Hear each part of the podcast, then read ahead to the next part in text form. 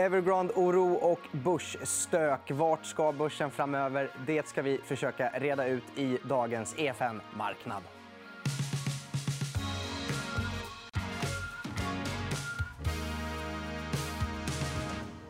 Och då säger jag välkomna Maria Landeborn, Jonas Tholin. Tack. Läget bra med båda? Alldeles strålande. Ja, ni känns formstarka idag. Tycker jag. Eh, och det är ju, vi spelar in där den 29 september också, så det är ju en liten glädjens dag när det börjar lätta upp med restriktioner. Vi har mycket att hinna prata om idag. Vi ska börja i Evergrande och, och Kina-änden och sen prata lite plusfaktorer för börsen, lite minusfaktorer eller orosmoln och sen sammanfatta det. Så vi börjar i, i Kina-svängen. Eh, hur, hur mycket har ni följt Evergrande? Eller jag gissar att ni har följt noga sista dagarna. Och Maria, har du varit orolig? Ja, men det är klart att det är eh, någonting som vi håller ögonen på. Det har ju varit en, en faktor som orsakat oro på börsen. Eh, lite till och från, ska man säga. Men det här är ju någonting som har varit känt betydligt längre. Eh, så redan eh, i somras eller tidigare än så, så började det ju finnas tecken på de här problemen. Och någonstans så stammar ju de från att den kinesiska regeringen har infört nya regleringar. Så att man visste att det skulle bli problem. Så att det är egentligen ingen nyhet. Och det som är positivt är att okay, Evergrande det är ett jättestort eh, fastighetsbolag, fastighetsutvecklare. Men samtidigt så är den kinesiska marknaden full med massor av små fastighetsutvecklare. Så att det här är inte avgörande för eh, den kinesiska marknaden. Och spridningseffekterna till omvärlden eh, rent finansiellt torde bli ganska små. Mm. Jonas, du sett, det här kunde man ju se ganska tidigt, redan i våras. Ja, men, ja, precis. Jag vet att ni är underviktiga bland annat i Markets. Vi har inte haft en krona eh, där sen, sen, i våras. Just på grund av att den här politiken var ju väldigt bra kommunicerad. Eh, man har strypt likviditeten, man vill dämpa den här sektorn. Så att, om någonting så är det roligare kanske att jaga de, eh, de aktierna vars, som äger alltså bondsen i Evergrande. Och de har fått betala ett högt pris. Så vi har suttit och funderat på om man korta dem eller inte. Men det, det har vi inte riktigt gjort. Eh, men, men själva eventet som sådant är ju ganska begränsat. Och, och faktiskt, om man ska sticka ut hakan lite, det, det här var ju avsikten med deras strypande av likviditeten som hållit på med nu ganska länge. Mm. Vi... Ja, förlåt. Ja, men det som skulle vara en, en risk det är om den kinesiska regeringen bara låter det falla. Men det är mm. osannolikt att man skulle göra det. Eh, för så stor skada vill man inte ha på ekonomin. tror jag. Nej. En, mer, en liten lagom varnings, ett varningsskott? Ja, men ett varningsskott. Man vill avskräcka andra från att göra samma sak men man vill inte se till att det här skadar ekonomin som ju redan har bromsat in mer än förväntat. Mm.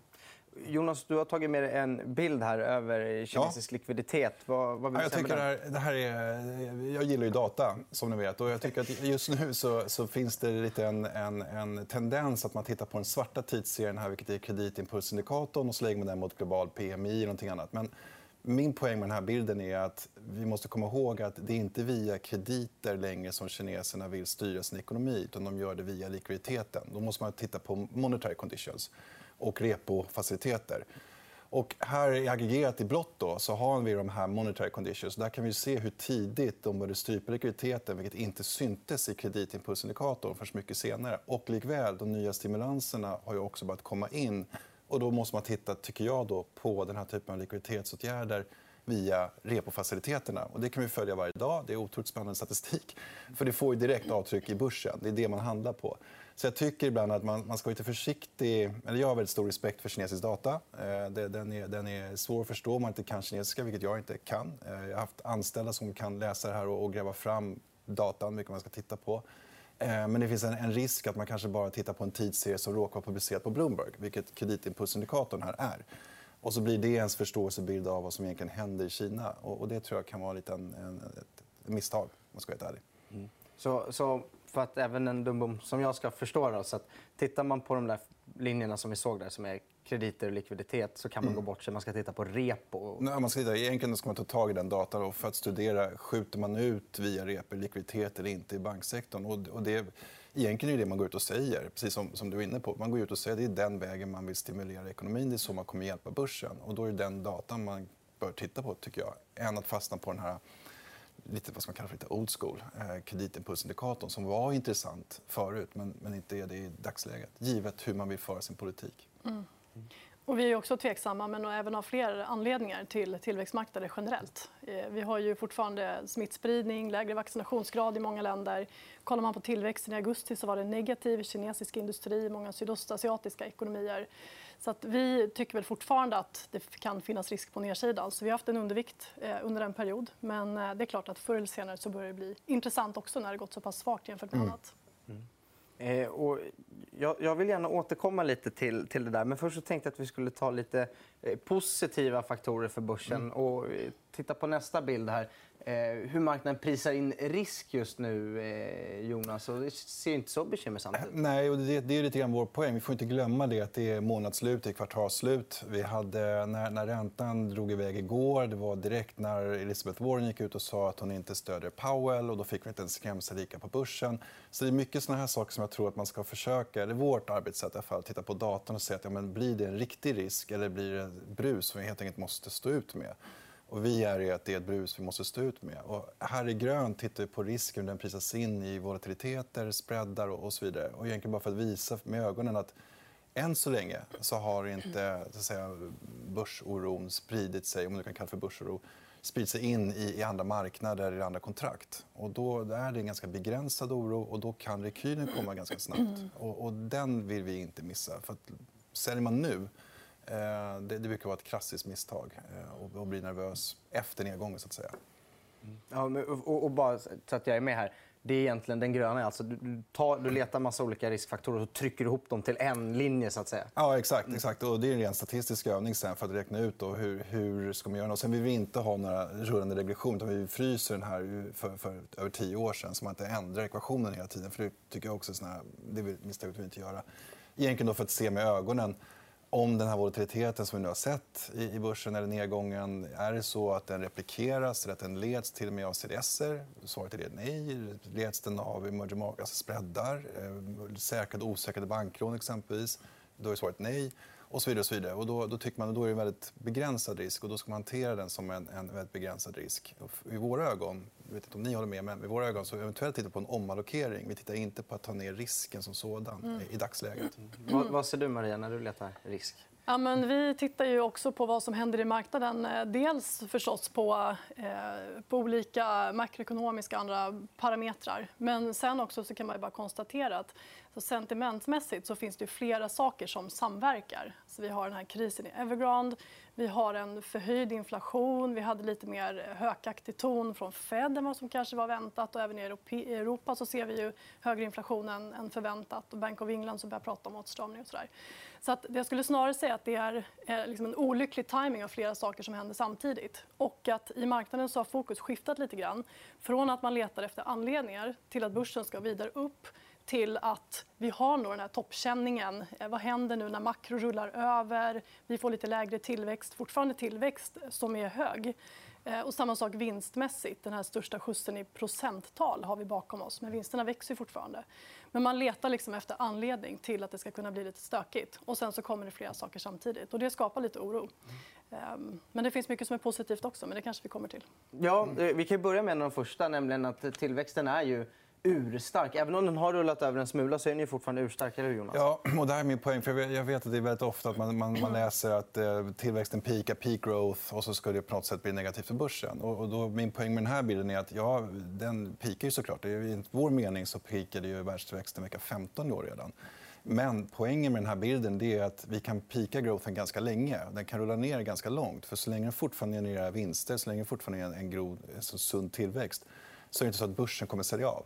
Mm. Sen om det faller tillräckligt mycket, vilket jag visar med den horisontella linjen här och, och vertikala, de, de, de kryssen. När vi kommer till en viss brytpunkt, då är det fara och färde för börsen. Men då ska man komma ihåg det, att den här brytpunkten kan ju vara ett år, ett och ett halvt år bortom oss. Mm. Så att det, det, är bara att det pikar i sig är, om man nu ska sticka ut hakan lite grann, statistiskt helt värdelöst att handla på. För att du har aldrig fått ett börssell-off bara för att det pikar. Eh, utan du ska rulla ner ganska mycket i tillväxten. Och vi ligger fortfarande väldigt högt om man tittar på tillväxtindikatorer som PMI till exempel, som de flesta känner till. Eh, den ligger fortfarande uppåt 60 om man tittar på både USA och Europa. Så det här är ju otroligt höga nivåer, även om vi lämnat den här största boomen efter uppöppningen i våras bakom oss. Så att det är precis som Jonas säger, så tillväxten i ekonomin är fortfarande stark. Den kommer vara stark under 2022 också om ingenting oväntat händer. Vinsterna växer. Tittar man på vinstestimat för 2022 så ligger de ganska lågt. Jag tror att de snarare kommer justeras uppåt och det kommer också ge stöd. Mm. Låga räntor, alltså vad gör man av pengarna när man lämnar börsen? Noll på sparkontot. I Danmark får man betala en avgift om de står där. Ehm, så att eh, det, det här ont om alternativ är också en, en anledning tycker jag att man fortfarande kan äga aktier. Och, um, ser man det på lite sikt så ja visst, det kan bli stökigt här och nu. Och vi kanske till och med kan få en rekyl om flera saker samverkar och vi får liksom vinsthemtagningar och sådär. Men jag tror att ganska snabbt kommer det ses som ett köpläge och så studsar det upp igen. Och risken är förstås att man hamnar snett. Man säljer därför att det, det dippar till och sen så missar man den där studsen uppåt. Mm. Och, och, då tappar man mycket avkastning. Ja, men, och, vi pratade om det lite här innan vi tryckte på play-knappen eller mm. rekordknappen att eh, missar man de 25 största eh, bästa, börsdagarna. bästa börsdagarna ja. då har det inte då, gått så bra. Nej, då har man faktiskt raderat ut all avkastning börsen har gett de sista 15 åren. Du har negativ avkastning om du missar de 25 bästa börsdagarna. Och det som är grejen är att man kan tänka så här, ja, men hur sannolikt är det att jag missar de 25 bästa börsdagarna? Då? Nej, det gör du såklart inte. Men om du säljer när det är stökigt så kommer du sannolikt missa fler av dem. Därför att ofta kommer uppstudsen direkt efter nedgången. Så att när vi haft det så här stökigt så ska man inte vara förvånad om börsen rätt vad det stiger 2-3% Då har du gått ur då. Ja, när ska du gå in igen? Och hur ska du jaga kapp de där eh, procenten i avkastning? Det går inte. Och Jonas, du brukar säga om man säljer nu, när ska man då köpa? Ja, och jag tycker den här statistiken är, är fantastisk. Vi brukar också visa den ibland. För det, det, är så lätt hänt att man, man... Vi pratar så mycket om, om, om bäsighet och man vill vara försiktig alltihopa. Men det borde egentligen, borde egentligen vara tycker jag, tvärtom. Att missar du bulldagarna och missar uppsidan, missar möjligheterna, det är där du förlorar i mitt fall mot konkurrenter, mot, mot index och så vidare. Det, och det, det är det som är risken. Så den är ju större än att fånga nedsidan. Jag sa det tidigare innan vi började här att, att, att fånga de här stora med Lehman och, och it-kraschen och, och, annat, det, det, har jag själv varit med om. Och jag kan säga att det är ganska otacksamt. För att ingen tycker att det är kul för att man är en liten besserwisser. Och du kan inte tjäna pengar på det. Ja, du kan kort hålla på, men om du inte har möjlighet att göra det. Så det är ganska, tycker jag, också retoriskt. Eh, alltså, vi borde fokusera mycket mer tycker jag, på möjligheterna och, och hitta uppsidagarna än att vara så oroliga för, för nedsidan. För statistiken tar sitt klara språk. Eh, om det någon gång man ska sitta lugnt i båten så är det nu, anser jag. Mm. Ja, kul. Jag blev nästan lite lycklig av de här positiva ja. orden. Ja.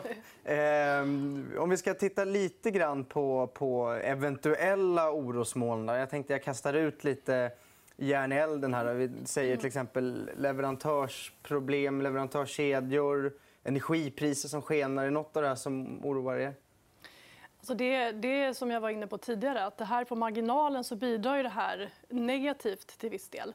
Och ser man på komponentbrist med mera så har vi vissa sektorer som är väldigt tyngda. Alltså fordonssektorn har det ju tufft. Vi ser hur man eh, får stoppa produktion. Energipriser som går upp kraftigt är såklart inte positivt. Men den obalansen väntar vi oss rätta till. Och kollar man nu på, eh, på inköpschefsindex under komponenter som lagernivåer, leveranstider eh, under september på de preliminära siffror vi fått, då ser man ju att faktiskt lagernivåerna de börjar komma upp lite. Vi ser att leveranstiderna börjar falla tillbaka. Så att den här obalansen mellan utbud och efterfrågan den håller ju ändå sakta på att rättas till. Och det kommer också leda så småningom till lite minskat pristryck. Så att det finns tecken på att det här rör sig åt rätt håll. Och det är positivt. Men sen är det klart att när det händer något annat och det blir stökigt då börjar man ju leta. Oj, oljepriset här och skenande energipriser i Europa. Eh, hur kan det här samverka? Eh, men eh, jag tror inte att det är någonting av det som kommer som fälla börsen. Det ser inte jag. Nej. Vad tror du, Man kan ju vända på det till och med och säga så här, vi, vi, vet, vi tror oss veta att en, en av de stora tillväxtmotorerna nu under Q3 och Q4 kommer bli kapitalinvesteringar hos bolagen för att täppa igen lagren. Lagren kommer bli en extrem injektion i BNP-räkenskaperna. Då kan man ju lite skojs skull ta det scenariot och räkna baklänges och säga men vad är det Biden vill bygga för någonting och vilka strategier ligger i bakvattnet av dem. Där har vi bland annat investerat, så jag har självklart pratat i egen bok här. Men, men det är ett kul sätt att se på det ger möjligheter. Det är det man inte får glömma. Det här. Att vi vet ju att det är en supply botter, alltså att vi har problem med leverantörerna. Vi vet att man måste kapitalinvestera. Vi vet att vissa sektorer kommer gå med. Vi vet att vissa kommer få stöd, vissa kommer få politiskt liksom, grönt kort och så vidare. Det är väl ganska intressant att titta på exponeringen i de sektorerna. Då, och de är ganska väldefinierade i de här skatteförslagen eller, eller eh, stimulansförslagen från, från Biden. Då. Så det, det, vi ser gärna möjligheter mer, mer än problem. Sen, har ju vi tagit vyn när det gäller energipriset i Europa. Att, att, tycker vi att, är det någonstans vi alltid blir oroliga när det handlar om politik och, och den här typen av stimulanser, effekter så är det Europa. För vi är ganska trögrörliga. Vi gör inte så mycket förrän centralbankerna hjälper oss på traven. Så att vi har ju tagit ett ganska aggressivt val att, att kraftigt undervikta Europa. Vi har nästan ingenting kvar, kvar i Europa. Eh, faktiskt. Eh, men det är ju en... Eh, vi har ju Norden enskilda aktier i Sverige såklart, men, men Europa är väldigt försiktiga. Men, men, det är ju mer för att vi tycker att det där energipriset, vi, vi har inte sett än hur man ska hantera det. Eh, vi har inte den debatt man har i Storbritannien exempelvis, eh, alls här. Jag tycker vi återkommer till eh, övervikt och undervikt. Jag vill bara ta fram Jonas favoritbild här som du har ja, jobbat på i 30 år. Ja. Jonas riskmodell. Kan du berätta vad det är ja, det här är, det här är ju nördnivå på, på, på Hur lång tid har vi på oss? Ja, precis. precis. Men det, det, och då har vi egentligen hoppat över den fina inledande bilden här där jag försöker förklara sambandet. För, för det, viktigaste, det viktigaste tycker jag att ha koll på när det gäller optioner. Ibland tycker man ser den här eh, lång och kort och så tittar man oftast i den kvoten bara på antalet kontrakt. Eh, och det är inte det som är intressant. Det intressanta är ju värdet bakom de kontrakten också, vilka löptider och annat. Och, och räknar man ut gamma-exponeringen i marknaden så vet man ganska väl var börsen är på väg någonstans. Och det man är rädd för då det är när gammalt blir negativt. För det innebär det att de som ställer ut optionerna måste sälja börsen när börsen går ner för att skydda sina optioner.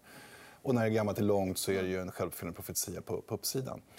Och sen har jag då räknat och stökat för att få den här svarta tidsserien för att vi kunna läsa som ett EKG när vi får en ledande indikator på när gammalt blir negativt.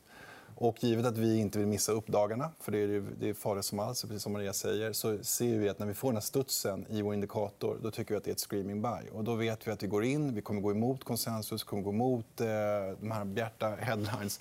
Men det är vårt jobb också att, att, att försöka se igenom allt det här och, och våga ta position på det. Och det var ju det vi har längst till höger där man snabbspolar med ögonen. Det blåa här är helt enkelt gamma exponering marknaden. Det var att vi dippade ner under nollan. Vi fick då den här ganska alltså, konstiga börsrörelsen kan man tycka. Det är väldigt mycket optionslätt. Vi ser också en studs, att, att det här är egentligen då ett köpläge mer än ett säljläge, som det ser ut idag. Eh, sen får vi revidera det här imorgon om det blir fel. Men, men det är ganska intressant. Och, och, och jag tror att... Så, så kan man lägga ut texten här ganska mycket. Men det roliga är också att optionsmarknaden har ju före 2021 aldrig drivit börsen så mycket som den gör i år. Eh, tack vare att den har blivit lite större. Den börjar nästan påminna lite grann om valutamarknaden där man alltid tittar på optionsledet. Eh, och I aktiemarknaden har det varit så liten jämförelse. Men det är första gången nu som helt enkelt svansen gungar hela hunden. Att optionerna bestämmer vart, vart börsen är på väg någonstans emellanåt när man kommer in i vissa lägen. Och det, det är otroligt intressant att ha fokus på. Vilket underbart uttryck. Svansen gungar hela hunden. Ja, det är dålig översättning från engelska. Men... men, eh, den där kommer jag att anamma. Maria, tittar ni någonting på optionsmarknaden på det sättet och hur folk är exponerade? Jag sitter inte och tittar på det. Nej. Eh, men eh, jag jobbar ju med en lite annan typ av kunder och andra strategier också. Vi har modellportföljer för retailkunder som är på 3-12 månaders sikt. Så att då sitter vi inte och tittar på hur det ser ut med gamma inför optionslösen i månaden. Utan vi, vi jobbar med lite andra parametrar inom tillväxt, vinsttillväxt Eh, men sen så tittar vi förstås inom banker på massa annan data också. Men visst blir man upplyft när man hör det här? Absolut, det är superkul. Jonas är ju en guru på grafer och knåda data och hitta köplägen. Jag får kritik för att graferna är fula, men jag hoppas att, jag hoppas att datorn är Så länge de är rätt så är det ja, ja, inget problem. Ja, jag tänkte säga det. Du kanske inte är art director, Jonas. Nej, det, förhoppningsvis det är du makroekonom. ja. eh, okay, men nu har vi pratat lite plus, lite minus. Jag tänkte vi ska sammanfatta det här. Och, och utifrån det då kan vi återkomma till det här med vad vi överviktar och underviktar och sådär. Men, eh, plus och minus. Eh, Jonas, du, du, blir tvungen nu. Du måste säga ett plus och ett minus för, för börsen här eh.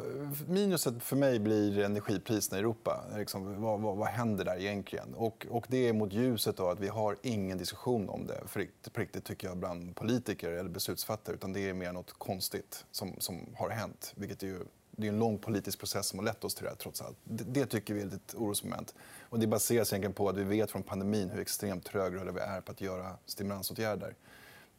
Därför har vi då viktat över väldigt mycket i USA igen. Vi har ingenting kvar i Asien i stort sett på grund av det vi pratade om tidigare. Det positiva där kan jag på hur länge som helst. Jag tycker man kan gå på såna enkla saker som teorem. Liksom, vi, har ju Wicksells... Alltså räntan kan gå upp, men, men vi vet ju exakt hur mycket räntan ska gå upp under vilken tidsperiod den ska gå upp för att statistiskt störta börsen. Vi är inte i närheten av taper tantrum 2013. Eller någonting. Så än så länge är allting väldigt begränsat.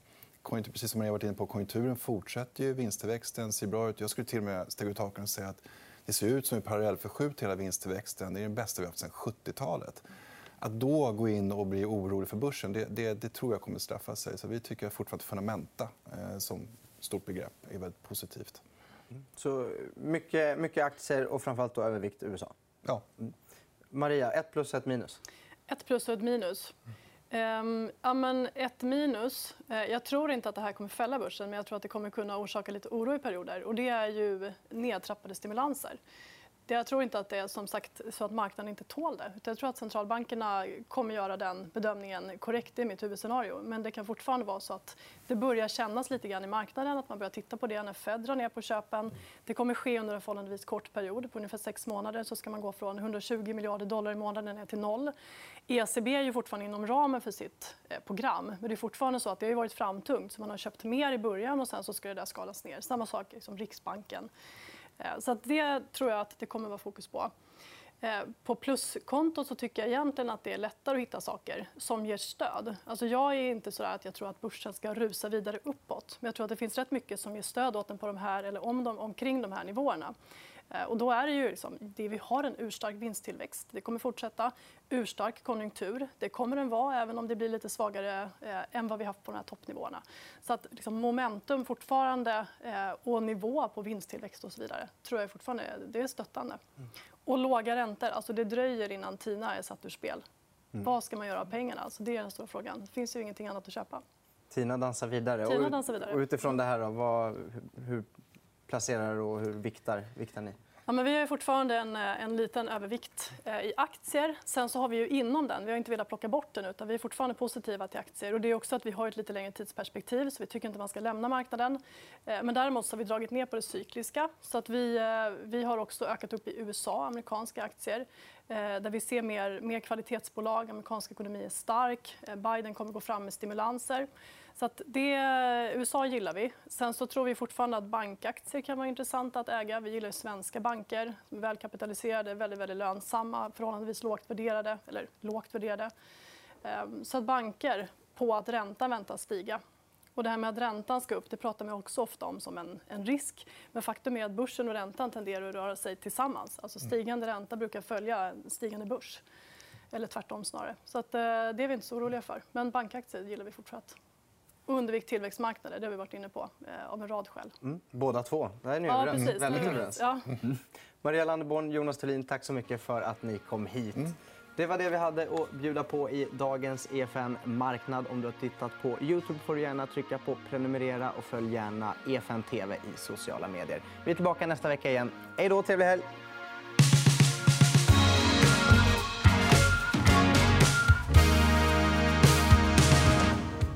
EFN Marknad är en podcast från EFN Ekonomikanalen. Ansvarig utgivare är Anna Fagerström. EFN finns även som app. Där hittar du alla våra videoinslag som hjälper dig att göra det bästa av din ekonomi. Du hittar appen i App Store och Google Play.